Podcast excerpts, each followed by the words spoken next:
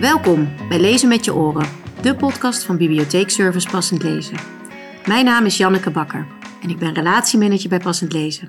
En stap in mijn auto, rijd het hele land door om zoveel mogelijk te praten en te vertellen over passend lezen.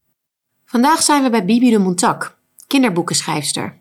Van onder andere Vandaag houd ik mijn spreekbeurt over Anaconda, het koeienboek. We gaan achter hamsters aan, interessante verhalen, veel over dieren. Maar we gaan vandaag vooral ook in gesprek over wat passend lezen voor haar als auteur, schrijfster nou betekent. En hoe zij het ziet en wat voor inspiratie zij erover kan geven. Uh, fijn dat we hier kunnen zijn. Het is echt een, uh, ja, een heerlijke plek. Mooi uitzicht, weilanden. Uh, ik moest gelijk denken van, was ook mijn eerste vraag. Um, ja, ik heb vraag altijd van welk boek ben je aan het lezen nu en wat is je favoriete plek hier om te lezen? Nee, het boek, ik lees altijd in uh, verschillende boeken tegelijk. Ik heb altijd een kinderboek waar ik in lees en een boek voor volwassenen. Uh, dus uh, het volwassen boek dat ik lees is het allernieuwste boek voor, van Olga Tokarczuk, de Poolse Nobelprijswinnares. en Puzion heet dat boek. En um, het kinderboek dat ik nu lees is van R.J. Palacio en dat heet Pony. En het is een fantastisch boek. Oh, die ga ik even onthouden. Ja, dat, die, die, dat, ik ben halverwege, maar ik begon, ik dacht, eh, meteen, vaak weet je al op de eerste bladzijde, ja. dit wordt wat. Ja. En dat werd het ook. Ik, goed, ik kan niet stoppen. Ik zit, het is dat ik hier zit, maar dat is dan met kinderboeken, dat je dan, ja, die, die brengen je dan zo kunnen je zo in vervoering brengen dat je wil doorlezen. Heb ik wel met volwassen boeken natuurlijk ook, maar bij kinderboeken op de een of andere manier kan ik dat nog meer hebben. Nou, mooi, mooi haakje ook voor vandaag, want we gaan het vooral natuurlijk over kinderboeken hebben. Je noemt eigenlijk net een boek uh, Pony. Ik was ook in onze collectie aan het kijken naar je boeken. Uh, je hebt veel boeken ook over dieren geschreven. Heeft dat een reden? Ja, dat wordt heel vaak gevraagd. Ja. Uh, de, ik schrijf bijna altijd over dieren. Ik denk dat dat komt omdat, dat, omdat ik vroeger als kind al graag over dieren las. Nou ja, dit boek Pony, dat gaat natuurlijk wel over een jongetje. Maar ja, die pony, die, die heet Pony. Ja. Uh, en die heeft natuurlijk ook een rol. Dus dan voel ik me daar alweer meer toe aangetrokken. Hoe dat komt? Ik denk dat dat gewoon in je aangeboren is. Ja. Dus dat je van dieren houdt, dat je erin geïnteresseerd bent. Um, en als kind denk ik, heel veel kinderen houden van dieren, omdat dat, ja, die hebben het ook niet voor het zeggen, net als volwassenen. Uh, net als kinderen, dus volwassenen hebben het voor het zeggen. Ja. En kinderen en dieren, die zie je ook vaak in gezinnen, die vereenzelvigen zich ook met de hond of de kat. Um, want die moeten ook luisteren. Uh, dus ik denk dat dat uh, een reden is waarom kinderen van dieren houden en uh, graag ook een hond willen hebben of een kat. En er dus ook over lezen. Maar dat ik erover schrijf is daaruit geboren, denk ik. Nou, je staat ook bekend om je inspirerende boeken. Een van de zaken die we ook willen bespreken, wat voor ons van belangrijk is, is hoe kunnen we boeken aantrekkelijk maken voor kinderen, toegankelijk. Want uh, ja, bij passend lezen word je eigenlijk, kan je, kinderen kunnen bij ons lid worden als ze een leesbeperking hebben. En in je artikel Blij met een boek neem je het belang ook op voor inclusiviteit. Hoe kunnen we kinderen met een leesbeperking uh, ook aan het lezen krijgen? Ja, ik heb daar inderdaad over nagedacht, maar ik denk dat dat exact dezelfde benadering is als kinderen uh, zonder leesbeperking. Want het gaat er natuurlijk om dat, um, kijk, iedereen houdt van verhalen. Ja. En als je geboren wordt, dan lees je ook nog niet. En als je geboren wordt, dan luister je naar liedjes. Als je geluk hebt, heb je mensen in je omgeving die voor je zingen of een gedichtje oplezen of, of, of die rijmpjes met je aan je vertellen. En dat kan zich uitbouwen tot het voorlezen van een prentenboek of andere boeken. En zo groei je met verhalen op en zo groei je op met luisteren. En daarna, pas als je zes bent of zeven, ga je nog eens een keertje uh, zelf leren lezen. Dus het, is, het zit al in die vroegste jaren. En ik denk dat dat voor alle kinderen uh, hetzelfde is. Dus als je daarna wilt dat ze gaan lezen, dan moet je eigenlijk alleen ervoor voor zorgen dat het, dat, dat het al is aangewakkerd. En dat het al bestaat, verhalen. Ja, dat ze nieuwsgierig worden naar verhalen. En dat het eigenlijk vanaf het begin al meekrijgen. En hij heeft eigenlijk, of je eh, een leesbeperking hebben of niet. Het is voor iedereen gewoon ja, belangrijk om exact, exact. en nieuwsgierig te worden, die Ja. verhalen te willen horen. Ja, En als ze ouder worden, daarin doorgaan. en dan kun je daarna, als je ouder bent, kun je eh, ze gaan lezen. Maar je kan ze ook nog steeds beluisteren, want een verhaal blijft gewoon een verhaal. Ja. Ja, dat is mooi. Het maakt eigenlijk niet uit of Nee. je ze leest of luistert. Ja. Wij noemen het ook altijd lezen. Als kinderen die blind zijn of slechtziend of op een andere manier niet gewoon boeken kunnen lezen. Dan zeggen ze bij ons, ze zijn bij ons en ze gaan luisteren naar boeken, maar ze noemen het gewoon lezen. Dus dat Ja. je leest, je luistert naar Ja, het gaat via je ogen, via je oren. Maar uiteindelijk komt het op dezelfde plek. Denk je erover na? Want we hebben natuurlijk, je- er zijn verschillende doelgroepen. Eh, denk je erover na bij, bij het schrijven van voor wie je het schrijft, bij voor je boeken die je schrijft? Ja, dat, dat moet natuurlijk zeker als je voor kinderen schrijft. Kijk, voor volwassenen kan je lekker een beetje gewoon voor je uit ja, gaan Ja. schrijven. En doen wat je wil en dan maar hopen dat er lezers voor zijn. Ja. Voor kinderen ligt dat inderdaad anders. Ik bedenk een onderwerp. Eh, dat bedenk ik niet, maar dat komt eigenlijk. eh, ik ben nooit actief. Waar zal ik nou weer? Dat is er gewoon. Opeens is er een onderwerp waar ik over wil schrijven. En dan denk ik, is dat interessant genoeg? En op het moment dat ik er weken later nog aan denk, dan weet ik, oké, dit is interessant genoeg voor een boek. En pas daarna denk ik aan de lezer, waar, waar past dit onderwerp bij? En soms is het dus een onderwerp voor volwassenen, dat ik denk, nee, dit, dit is voor volwassenen. En dan daarna vind ik een toon in mijn hoofd. Zo gaat dat eigenlijk. De toon ontstaat in je hoofd, denk ik, alsof het muziek is. En dan komen er woorden bij. En door die woorden en die toon bedenk ik, oh, maar dit is echt voor zesjarigen. Of dit, deze toon past bij tienjarigen. Of deze toon past bij oudere kinderen. Dus het, het, het ontstaat, ik ga nooit op zoek. Ik laat het gewoon maar gebeuren. Hou je bij het schrijven ook rekening eh, eh, dat mensen die je boeken luisteren, lezen, een leesbeperking hebben? ik, wat ik, daar ben ik me niet bewust van. Ehm, ik probeer wel duidelijk, ehm, helder te schrijven. Ehm, en ik denk ook dat, omdat ik vaak over dieren schrijf, dat het sowieso al heel erg ehm, met geluid. Het is visueel, het is. eh, maar het gaat ook over geluiden. Want dieren praten eh, op een andere manier, communiceren op een andere manier dan mensen. Dus er komt wel heel veel. eh, hoe moet ik dat zeggen? Ze, ze spreken in geurtaal, lichaamstaal. Ze hebben een geluidentaal. Dus het is sowieso heel, hoe moet ik dat zeggen? Beeldend? Tactiel en ja, maar beeldend. Ja, ehm, het, het, alle zintuigen worden denk ik aangesproken. Ja, dat is En dat mooi. vind ik ja. heel erg leuk. Ja, dat kan ik me voorstellen. Ik denk dat dat ook heel aantrekkelijk is voor kinderen. Ja, Ja, je bent deze zomer te gast bij Zomergasten geweest. En eh, daar had je een eh, pleidooi ook over ja, het lezen van kinderen tegenwoordig, hoe dat gaat. Kan er wat over vertellen? ja ik, ik merk, ehm, kijk, ik kom natuurlijk veel op scholen. En dan vraag ik altijd aan de kinderen, lezen jullie? En dan zeggen de kinderen ja. En dan zie ik de boeken, die houden ze dan omhoog, van welke boeken ze lezen.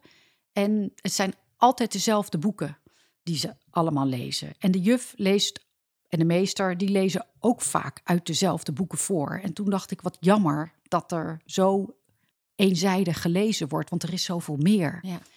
Bovendien keldert eh, ehm, eh, het leesniveau van kinderen al Ja. jaren in Nederland. Dat Ja. gaat echt, we, hangen erbij in Europa. Dus daar is iets aan de hand. En ik heb dus het een met het ander verbonden. Dus en het, eh, het slechte leesonderwijs eigenlijk. Ehm, en, en de eenzijdigheid aan boeken. En het slechte leesonderwijs, ik wil daar niet. Hebben de juffen en meesters, de leerkrachten, denk ik, die kunnen daar niet zoveel aan doen. Maar het gaat om de methodes die worden aangeboden. Ik denk dat dus die methodes ook niet goed zijn. Want anders zouden we wel beter lezen. Anders zou er een stijgende lijn zijn. Maar er is een enorm dalende lijn. Dus daar eh, probeer ik, kijk hoe het wel moet, daar ben ik niet voor uitgerust. Maar wel om te constateren dat het niet goed gaat en dat het daaraan moet liggen. En dat kinderen eenzijdig lezen, dat begrijp ik wel. Kijk, kinderen kunnen, die, die, zijn, die moeten wij begeleiden. Dus als je een kind in de supermarkt zet, dan gaat hij altijd patat eten. Dat is natuurlijk zo. Dat Ja. zou ik ook doen. Sterker Ja. nog, als ik zelf in de supermarkt loop, denk ik: Oh, patat, nee, Bibi, je gaat gewoon naar de groenten. Dus ik, hè? Dus ik heb die hang ook. Maar je, je moet op een gegeven moment die kinderen bij de hand nemen en zeggen: hmm, vandaag gaan we het even anders aanpakken. Dus, en dat is met boeken ook zo. Maar als de juffen niet weten hoe ze het moeten aanpakken, als de ouders geen idee hebben wat er allemaal bestaat, Nee. kun je de kinderen niet begeleiden. Ik heb met televisie de deur uitgedaan, Ja. eh, omdat ik s'avonds te afgeleid werd. Omdat er toch altijd wel weer iets is. Ik dacht, ik doe het niet meer. Ik ga lezen. Ik zit nu gewoon elke avond, ja, misschien niet elke avond, maar wel heel vaak te lezen op de bank. En het, ik ga rustiger slapen. Ja. Er komt een wereld, gaat er open in mijn hoofd, die alleen voor mij is op dat moment. Eh, ik word er ook heel rustig van. Ik moet wel zeggen, ik, ben, ik heb een aanleg tot, denk ik, tot ADHD. Of ik heb het, maar ik, ik ben van de generatie die zich niet laat testen. Ehm, maar eh, voor mij is dat heel, heel, heel helend. Mooi dat je dat zegt ook, want kinderen met ADHD die eh, vallen ook als leesbeperking eronder Ja. en die mogen ook eh, ja, bij ons lid worden. En wat ik vaak ook van leraren hoor is dat ze zeggen van nou, dan geef ik ze een boek van jullie en ik geef ze een koptelefoon op en dan luisteren ze naar jullie boeken en dan worden ze helemaal rustig. Maar dan Ja. is het inderdaad, je moet het aanbieden en ze moeten wel een boek vinden die ze leuk vinden en nieuwsgierig worden naar de verhalen. Want hoe, hoe prikkelen we de kinderen? Ja, door ze te, te, te verbinden met de juiste boeken. Kijk, namelijk, ehm, niet ieder boek is geschikt voor ieder kind. Nee. Want het ene kind wil heel graag non-fictie lezen. Ik schrijf non-fictie en ik hoor wel eens van mensen eh, zeggen... nou, mijn kinderen of de kinderen in de klas... of ik heb een kind in de klas... dat, dat die vindt die fantasiewereld helemaal niks. Daar kunnen ze niks mee. Maar non-fictie wel, waar gebeurde verhalen. En dan schrijf jij ook nog eens eh, eh, kort. Dus het, zijn, het is een hoofdstukje van drie bladzijden. En dat, dat, dat, dat, dat vinden ze wel leuk. Dat kunnen ze aan. Want sommige, je hoeft niet, niet elk kind heeft een attention span van, van, van een uur. Nee. Dus laten we dan het verkorten en of opdelen.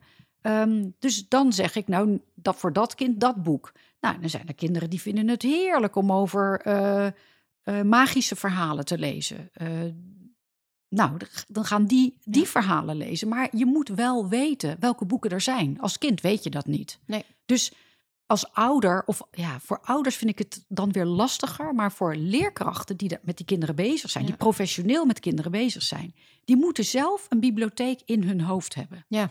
Dus je moet zelf lezen. En ik vind dat een leerkracht elke maand gewoon een boek moet lezen, twaalf boeken per jaar. En dat is helemaal niet veel, heb je zo gedaan. En op die manier bouw je een bibliotheek op. En kan je dus bekijken, eh, oh, dit kind heeft dat nodig, dat kind heeft dat nodig. Ja. En dan kan daarna een kind natuurlijk bedenken, oh, die schrijver vond ik geweldig. En dan, misschien is het, heeft hij nog een boek geschreven. Ja, daar loop ik zelf ook wel eens tegenaan hoor. Dat ik denk, oh, welke zijn er nou allemaal? Ja, ik schrijf alle boeken die ik lees, schrijf ik allemaal op. Alfabetisch, al Oh. sinds ik 16 ben. Dus ik heb een hele lijst. Ik ben daar ooit mee begonnen. En dat doe ik nog steeds. Dus als ik het zelf... Want je, je kunt niet die hele bibliotheek kant en klaar in je hoofd hebben. Nee, Ehm, dus soms dan blader ik er wel eens doorheen van, oh, hoe? En dan denk ik, oh, dat prachtige boek. Oh, dat is waar. Oh, dat las ik toen. En dan schrijf ik dat bij de schrijver. Dus dan weet ik, oh, van die schrijver wil ik toch nog weer een boek lezen. En dan ga ik op zoek naar het boek van die schrijver. Dus zo breid ik mijn bibliotheek uit. En dus ook letterlijk mijn schriftje. Met Oh. titels. wat mooi. Maar die moet echt heel lang zijn, die lijst. Die, ik ben ook al heel oud. Ja, dat, dat niet, maar gewoon... Nee, ja, nee, ik ben 58. Dus het is eh, een lijstje van meer dan 40 Ja. jaar lezen. Inderdaad, die bibliotheek in je hoofd, wat is er allemaal? En dat moeten de kinderen meekrijgen. Maar dat is natuurlijk echt, eh, want lezen wordt ook een beetje als elitair gezien. Eh, en ik denk, ehm, dat is het natuurlijk niet. Maar een boekwinkel is best een drempel, denk Ja. ik. Ehm, maar een bibliotheek niet. Nee, En daar staan ook heel veel boeken voor iedereen en alles. En die mag je ook allemaal beetpakken. En die mag je, want in een boekwinkel denk ik ook wel eens...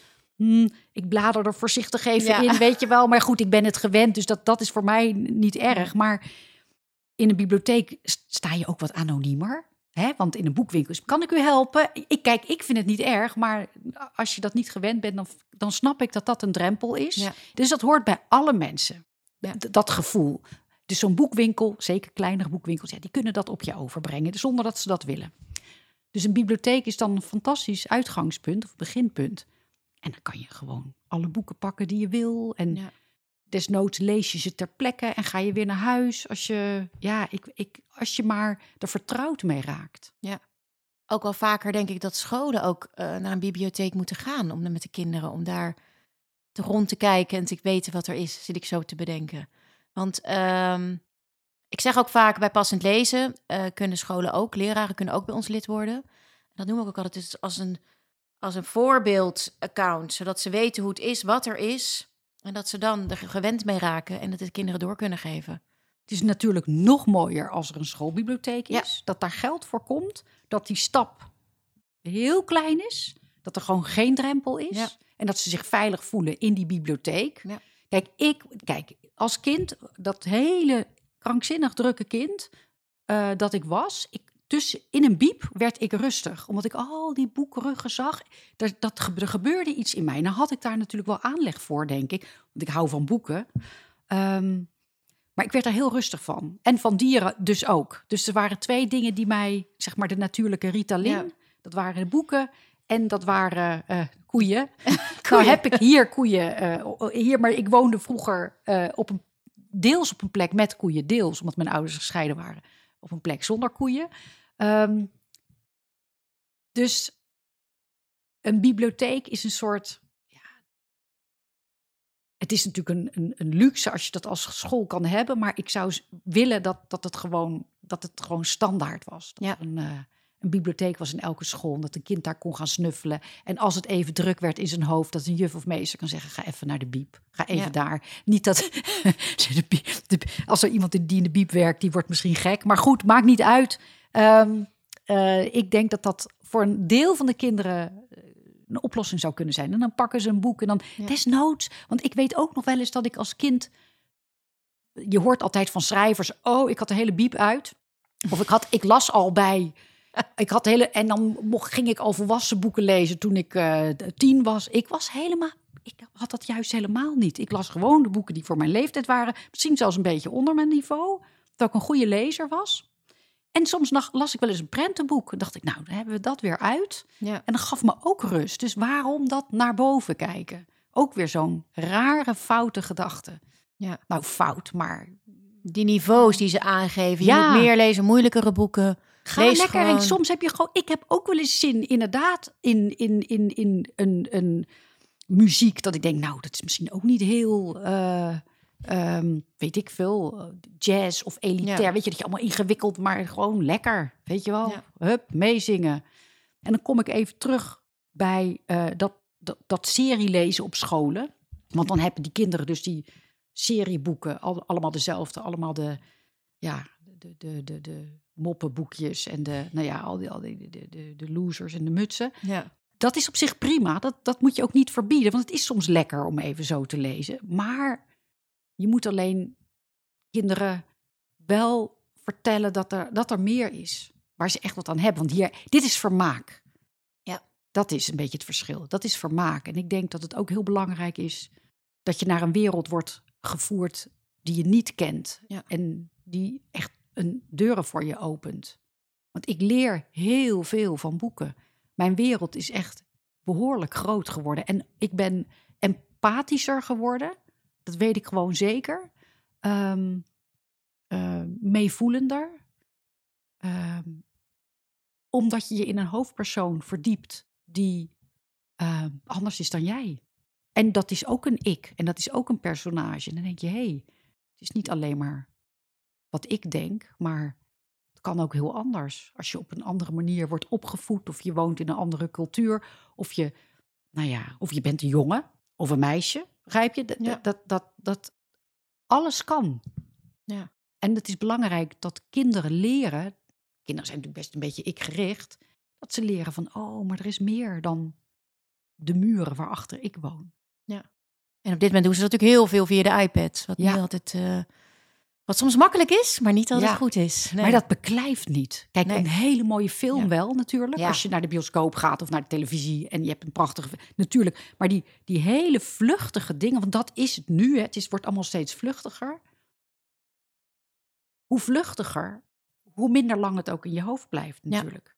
En een boek, daar ben je soms dagen ik ben nu in een boek, maar dat komt omdat ik meerdere boeken tegelijk lees. Daar ben ik nu twee weken in bezig. Maar twee weken ben ik dan in die wereld. Ja. Als ik, want het leuke is, je stapt. Dat verbaast me elke keer. Je stapt over een drempel, maar echt. Want je, net als je hier naar buiten, oh, dan ben je opeens buiten. ehm, stap je. Ik, ik sla eh, het boek op en mijn ogen grijpen zich aan die zinnen. Ja. En ik ben daar. En Ja. datzelfde geldt voor luisterboeken. Je, je, je, je zet je koptelefoon op. Je hoort die stem, die vertelstem. En je bent daar. Ja. Dat is geen onderscheid. Dat is natuurlijk hetzelfde. Dat vind ik, dat vind ik, dat vind ik zo magisch. Ja. Ik gun dat ook gewoon iedereen. En je wordt er rustig van. Hè? ja, dat vooral. Want je Ja. eigen leven is even op de achtergrond. Je bent even in een andere wereld. Eh, ja, je noemt al gelijk eh, de luisterboeken. Wij hebben het altijd bij Pas in deze over gesproken boeken. Wat vind je van de luisterboeken, gesproken boeken in het algemeen nu? Ehm, nou, ik vind ze steeds beter worden.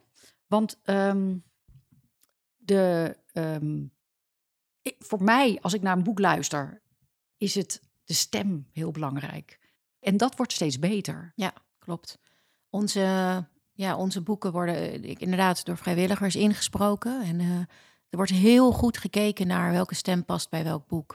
Wat is passend? En natuurlijk is altijd, iedereen heeft zijn voorkeur voor een stem. Het is natuurlijk als iemand tegenover mij zit met een verhaal, ga ik ook niet denken, ik vind het verhaal geweldig, maar jouw, jouw stem, Stem. sorry. Dus zo, zo, zo, dat is natuurlijk eigenlijk ook Ja. hetzelfde. Alleen ehm, je moet er soms even inkomen.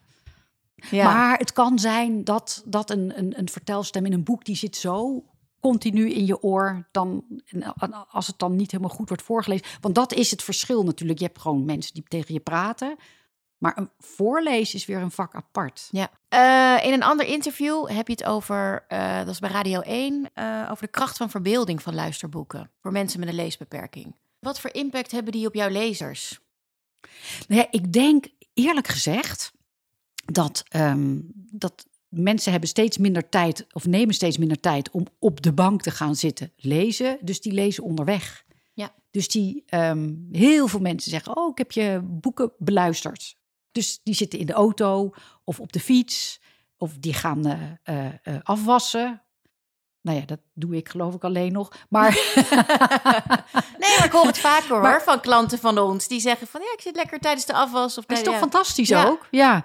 Ehm, dus ja, op die manier om, om, om, ja, om nog meer te kunnen lezen of nog meer boeken tot je te kunnen nemen, gaan ze dus opeens luisteren tijdens een bezigheid.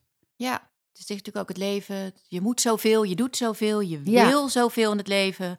En eigenlijk brengen de, de, de luisterboeken, de gesproken boeken... daardoor, als je gaat luisteren, kan je meer dingen tegelijk doen. En zo eigenlijk nog meer verhalen luisteren. Ja, Ja. maar ik zat, want dan denk je, is, dat is eigenlijk niet goed, want je moet gaan zitten Ja. en je moet ervoor gaan zitten. En toen dacht ik, wat een onzin. Want vroeger op school zei eh, de juf of de meester heel vaak, nou, we gaan tekenen. En in het, in, on- ondertussen las hij voor. Ja. Zo was je aan het tekenen en dan luisterde je. En ik dacht, dat werkte gewoon. Dus waarom zouden wij niet kunnen strijken en luisteren? Of kunnen, nou ja, autorijden en luisteren? Dat kan gewoon. Ja. Dus ik vind het prima. En ik moet zeggen, ik, ik, ik ehm, eh, ben begonnen met luisterboeken op, la- op lange tocht naar Zuid-Frankrijk. Ja. En toen dacht ik, nou, dan kan ik achter het stuur gaan zitten en gaan kijken. Ehm, maar ik kan ook een luisterboek opzetten. En dat vond ik hartstikke leuk. Want dan zit je met z'n tweeën te luisteren. Dat vond ik heel, dat was helemaal nieuw voor mij. Met z'n tweeën, je kan met luisteren, kun je Ja. met meerdere doen. Dus eh, dat je allebei lacht op hetzelfde moment. En allebei daarna zegt, eh, oh, wat, wat geweldig. Of wa- wat zou er nu gebeuren? Je bent samen met dat boek Ja. bezig. Dus ik vond het een hele nieuwe ontdekking van lezen. Ja, dat is ook heel leuk. En je kan daarover praten samen. Ja, want je leest nooit simultaan een boek. Nee. Hoe, maar dat ik nu ook te hard te denken van... ja, hoe zorgen we ervoor dat die leraren die boeken... dat ze ervan op de hoogte zijn? Dat, Ja, dat is natuurlijk ja. eh, een ramp, zo Ja. ongeveer, omdat ze steeds minder lezen. En ik kom veel op pabo's en dan vraag ik wie leest er en dan gaan steeds minder handen omhoog. Ze zien het echt als verplichte kost.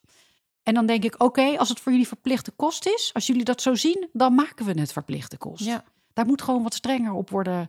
En als je eh, op worden, ja, op, hoe noem je dat, op worden geacteerd. Want je, je, ehm, eh, ze moeten gewoon lezen. Ja. Ze moeten weten wat, eh, wat er geboden wordt.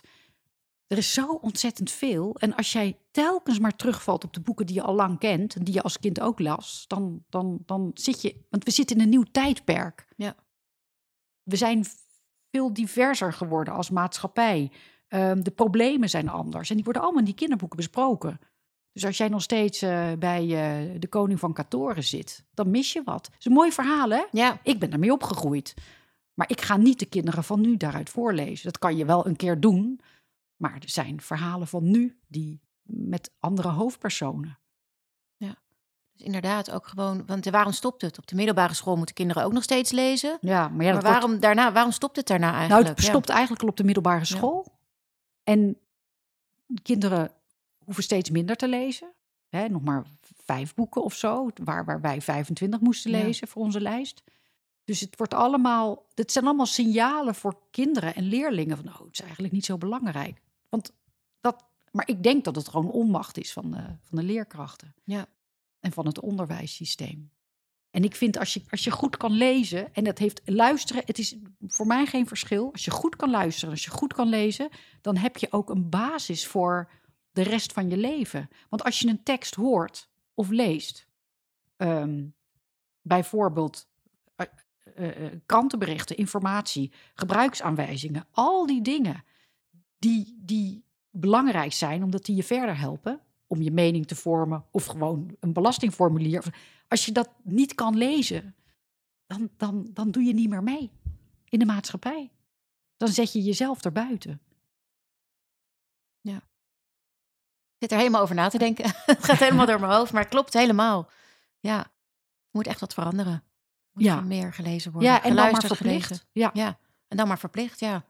Ik sluit het eigenlijk altijd af, de podcast, van welk boek zeg jij van, ja, even het kinderboek, wat, wat moeten alle kinderen nou eigenlijk gelezen hebben? Er kunnen er ook twee zijn en dat hoeft niet een boek van vroeger, maar gewoon waar je denkt van, ja, dat boek mag niet vergeten worden of eh, mag je niet Ja. gemist hebben.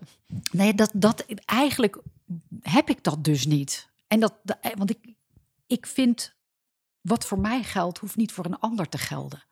Dus ik kan wel zeggen, vroeger vond ik, want het gaat natuurlijk om wat, wat ik vroeger las. Ik was, eh, mijn lievelingsboek was De Gebroeders Leeuwenhart van Astrid Lindgren. Sowieso, die schrijfster Astrid Lindgren.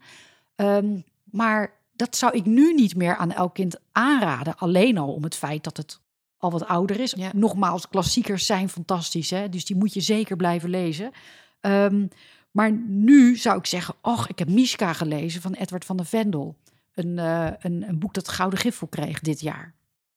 Maar misschien is dat helemaal voor een twaalfjarige totaal niet interessant, omdat het voor wat jongere eh, kinderen is. Ja. Dus daarom vind ik het heel lastig om te zeggen, dit boek moet iedereen gelezen hebben. Vorig jaar, ik heb kijk wel per jaargang, zeg ik, oh, dat is een mooi boek, dat is een mooi boek. Eh, vond ik Lepelsnijder, prachtig van Marjolein Hof. Ehm, ik denk dat twee of drie jaar geleden is verschenen. Daar was ik toen helemaal, eh, dat omarmde ik echt. Dus is er eigenlijk elk jaar, en toen was er vorig jaar van Jason Reynolds, Ghost. Het is vertaald naar het Nederlands. Een fantastische schrijver. Nou, misschien is het dit jaar Pony. Dat kan. Ja, Want ik vind het echt geweldig. ik ga hem echt Ja. onthouden. Ik ga hem morgen gelijk aan mijn collega's van de collectie doorgeven. Ja.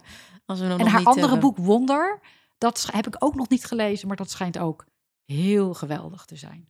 Ik denk toch, ja, dan toch, waar ik het dan ook mee af wil sluiten, van als we dan echt één tip ook voor de leraren willen, maak toch lijstjes. Al is het niet in je hoofd, maar ook gewoon op de computer, je telefoon. En maak er een top drie van elk jaar of zoiets. Zit ik nu ook voor mezelf te denken. Ja, maar die top drie maak je voor jezelf, Ja. maar niet voor de kinderen. Nee. Want ik denk dat, dat je dus, en dan kom ik weer, dat er voor elk kind een ander boek Ja. is. Dus je moet er gewoon eh, zoveel boeken lezen en misschien een lijstje maken en erachter zetten. Dit zou voor dit kind een mooi boek Ja. kunnen zijn. Of dat zou voor dat kind een mooi boek kunnen zijn. Heel mooi. Dankjewel. Ik eh, vond het een heel eh, fijn gesprek. Ik denk eh, veel nieuwe dingen gehoord, tips gekregen en eh, heel geïnspireerd. Ik hoop dat eh, iedereen geïnspireerd is geraakt, maar dat ben ik zeker. Dankjewel. Ik vond het heel leuk om te doen. Bedankt voor het luisteren naar deze podcast. Heb je genoten van wat je hebt gehoord? Laat het ons weten. We zijn altijd benieuwd naar jouw feedback en suggesties voor toekomstige afleveringen. Laat een recensie achter via je favoriete podcast-app of stuur ons een bericht via onze social media. Wil je nog meer lezen met je oren? Abonneer je dan op Lezen met je oren en mis geen enkele aflevering. We hebben namelijk nog veel meer geweldige verhalen en interessante gesprekken in petto.